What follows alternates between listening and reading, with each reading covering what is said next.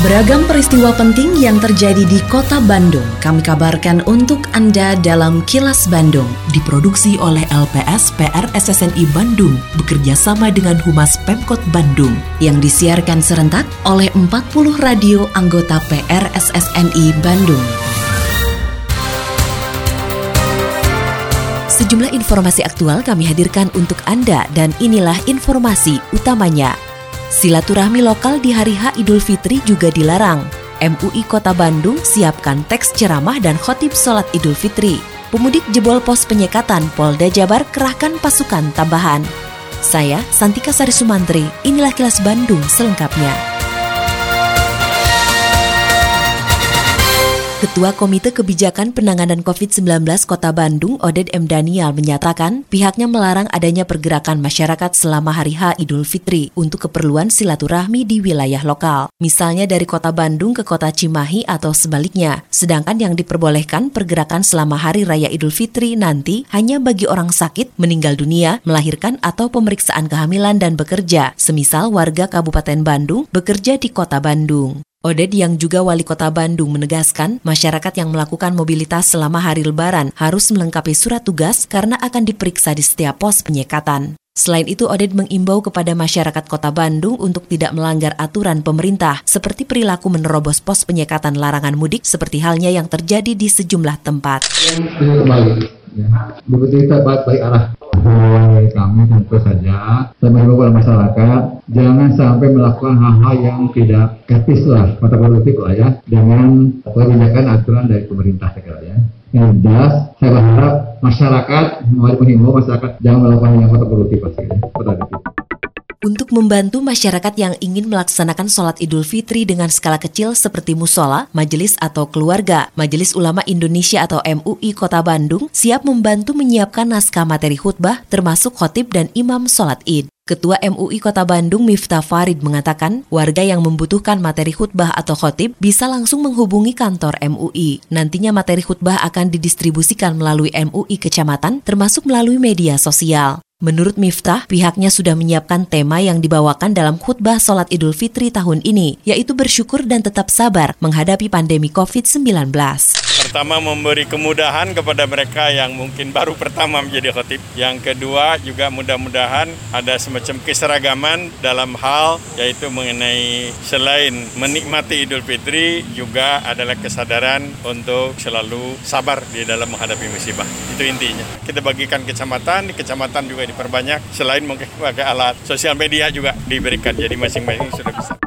Kantor Kementerian Agama Kota Bandung meminta pengurus masjid yang akan menggelar sholat Idul Fitri agar mengajukan kepada gugus tugas COVID-19 tingkat kewilayahan atau kecamatan setempat. Kepala Kantor Kementerian Agama Kota Bandung, Teddy Ahmad Junaidi, memastikan dari sekitar 4.000 masjid yang ada di Kota Bandung, sebagian besar di antaranya akan melaksanakan sholat Idul Fitri. Teddy mengatakan pihaknya mendukung kebijakan pemerintah kota Bandung yang menerapkan konsep desentralisasi pelaksanaan sholat idul fitri, sehingga agar masyarakat diharapkan menggelar sholat idul fitri di tingkat lingkungan seperti gang, keluarga atau majelis taklim agar potensi kerumunan orang dapat diminimalkan. Meski begitu pihaknya tidak melarang pelaksanaan sholat idul fitri berlangsung di lapangan dengan protokol kesehatan yang ketat. 50% dari kapasitas, dari kapasitas uh, bisa. Bisa, bisa. bisa. Justru itu yang diharapkan. Itu yang maka tidak ada tersentralisasi pelaksanaan ibadah Idul Fitri, justru nanti di, dipecah secara parsial. Silakan musola menyelenggarakan, kemudian masjid yang bukan masjid jami menyelenggarakan mangga. Majlis taklim pun ada ruangan misalnya itu bisa melaksanakan.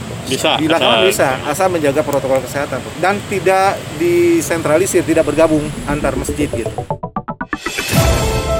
Assalamualaikum warahmatullahi wabarakatuh. Sampurasun, warga kota Bandung yang saya hormati dan saya cintai. Saya Tono Rusdiantono, Kepala Dinas Sosial Kota Bandung menghimbau kepada seluruh warga kota Bandung Para wisatawan dan para pengguna jalan Untuk tidak memberikan uang atau sedekah kepada pemerlu pelayanan sejahteraan sosial atau PPKS Di antaranya anak jalanan, gelandangan, dan pengemis Karena mengganggu ketertiban umum dan kelancaran arus lalu lintas. Selain itu, saya juga meminta kepada seluruh seluruh warga kota Bandung untuk tidak menggalang dana atau meminta sumbangan di tengah jalan dengan dalih apa pun, terlebih kegiatan itu tanpa mengantongi izin resmi dari Dinas Sosial Kota Bandung. Apabila Anda menemukan adanya PPKS maupun penggalangan dana, diminta partisipasinya untuk melaporkan hal tersebut kepada Dinas Sosial Kota Bandung. Salurkan donasi Anda hanya melalui lembaga resmi. Wassalamualaikum warahmatullahi wabarakatuh. Jajaran Kepolisian Daerah Jawa Barat atau Polda Jabar mengerahkan pasukan tambahan menyusul peristiwa jebolnya pos penyekatan di wilayah Karawang oleh ribuan pemudik. Kapolda Jabar Irjen Pol Ahmad Doviri mengatakan pemudik yang lolos penyekatan di bawah 60 ribu orang atau tidak lebih satu persen dari total jumlah masyarakat yang mudik dalam kondisi normal sebanyak 6 juta orang. Kapolda menegaskan pihaknya sudah berkoordinasi dengan TNI untuk menyiapkan penyekatan berlapis, sehingga di titik penyekatan berikutnya para pemudik tetap akan diputar balik. Di beberapa titik sekat, seperti di Kerawang, kemudian di Patok Besi di Subang, kemudian yang juga di Patrol, terus sampai ke Cirebon, kita akan penambahan pasukan. Dan 100 kali 24 jam kita standby. Jadi jangan diharap bahwa mengelabui kapan istirahat, kapan waktunya mereka berbuka. 1 kali 24 jam non-stop kita melakukan kegiatan itu. Jadi strategi-strategi itu yang kita lakukan dilakukan. Memang betul kalau air loloskan karena apa? Karena memang situasinya tidak akan memungkinkan apabila bus stop sekaligus kala itu ya. Karena tidak mungkin juga diputarkan. Nah, sehingga diloloskan nah, ya. Tetapi sekali lagi di tempat-tempat yang lain kita perkuat penyekatan itu akan diputar balikan kembali.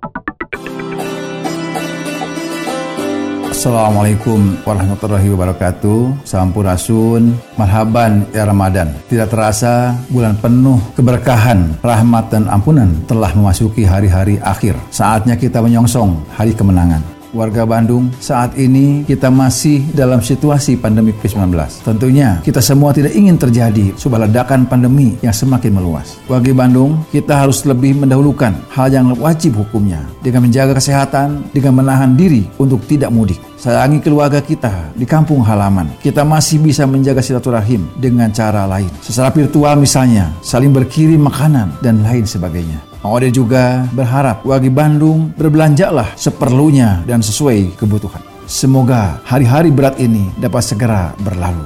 Mang Oded, Wali Kota Bandung. Wabillahi taufiq hidayah. Assalamualaikum warahmatullahi wabarakatuh. Kini, audio podcast siaran Kilas Bandung dan berbagai informasi menarik lainnya bisa Anda akses di laman kilasbandungnews.com. Berbagai persiapan telah dilakukan PT PLN dalam menghadapi momen Idul Fitri 1442 Hijriah tahun ini, terutama untuk memenuhi kebutuhan listrik di Jawa Barat. Manajer Pengendalian Operasi Sistem Distribusi PLN Unit Induk Distribusi Jawa Barat, Fahmi Albar mengatakan, selain menyiapkan 211 posko siaga gangguan, pihaknya juga menyiapkan hampir 6.000 petugas yang disiagakan untuk menjamin keandalan pasokan listrik selama periode lebaran. Fahmi memprediksi beban puncak siang pada Idul Fitri 1442 Hijriah tahun ini naik sekitar 23 persen dibanding beban puncak siang pada Idul Fitri tahun lalu. Begitu juga beban puncak malam pada Idul Fitri tahun ini yang diprediksi meningkat sebesar 18 persen dibandingkan dengan beban puncak malam hari pada Idul Fitri tahun sebelumnya kita juga lakukan inspeksi dan persiapan pemeliharaan jaringan untuk memastikan pasokan dan instalasi listrik itu andal dan beroperasi normal selama siaga. Kami juga siapkan unit kabel bergerak, unit gardu bergerak, genset bergerak, power bank, dan keren untuk memastikan percepatan pemulihan pasokan listrik atau emergensi-emergensi pekerjaan. Jadi beberapa peralatan-peralatan tambahan kami juga siapkan tetap patuhi protokol kesehatan di masa adaptasi kebiasaan baru untuk memutus penyebaran COVID-19. Selalu memakai masker, mencuci tangan, menjaga jarak dan menghindari kerumunan, serta mengurangi mobilitas agar terhindar dari terpapar virus corona. Terima kasih Anda telah menyimak Kilas Bandung bekerja sama dengan Humas Pemerintah Kota Bandung yang diproduksi oleh LPSPR SSNI Bandung.